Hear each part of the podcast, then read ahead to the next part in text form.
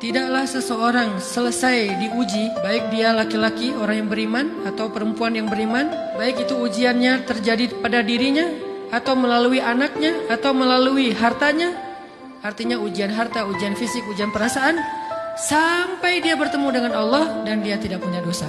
Apa maksud dari hadis ini? Ujian itu tidak akan berakhir kecuali kalau dosa kita sudah habis. Allah akan menguji kita terus untuk membersihkan diri kita dari dosa. Kita coba sadari, oh kalau Allah menguji saya, memang saya banyak dosa. Sebelum kita mencari kambing hitam, nyalah-nyalahin orang lain, sebelum kita marah kepada orang lain, kadang wajar kita marah kepada orang lain gara-gara ucapannya, komennya, teks dari dia, wajar. Tapi sebelum itu, marah dulu kepada diri kita atas dosa dan kesalahan kita yang baru saja kita lakukan. Atau yang dulu kita lakuin dan belum benar-benar kita tinggalkan.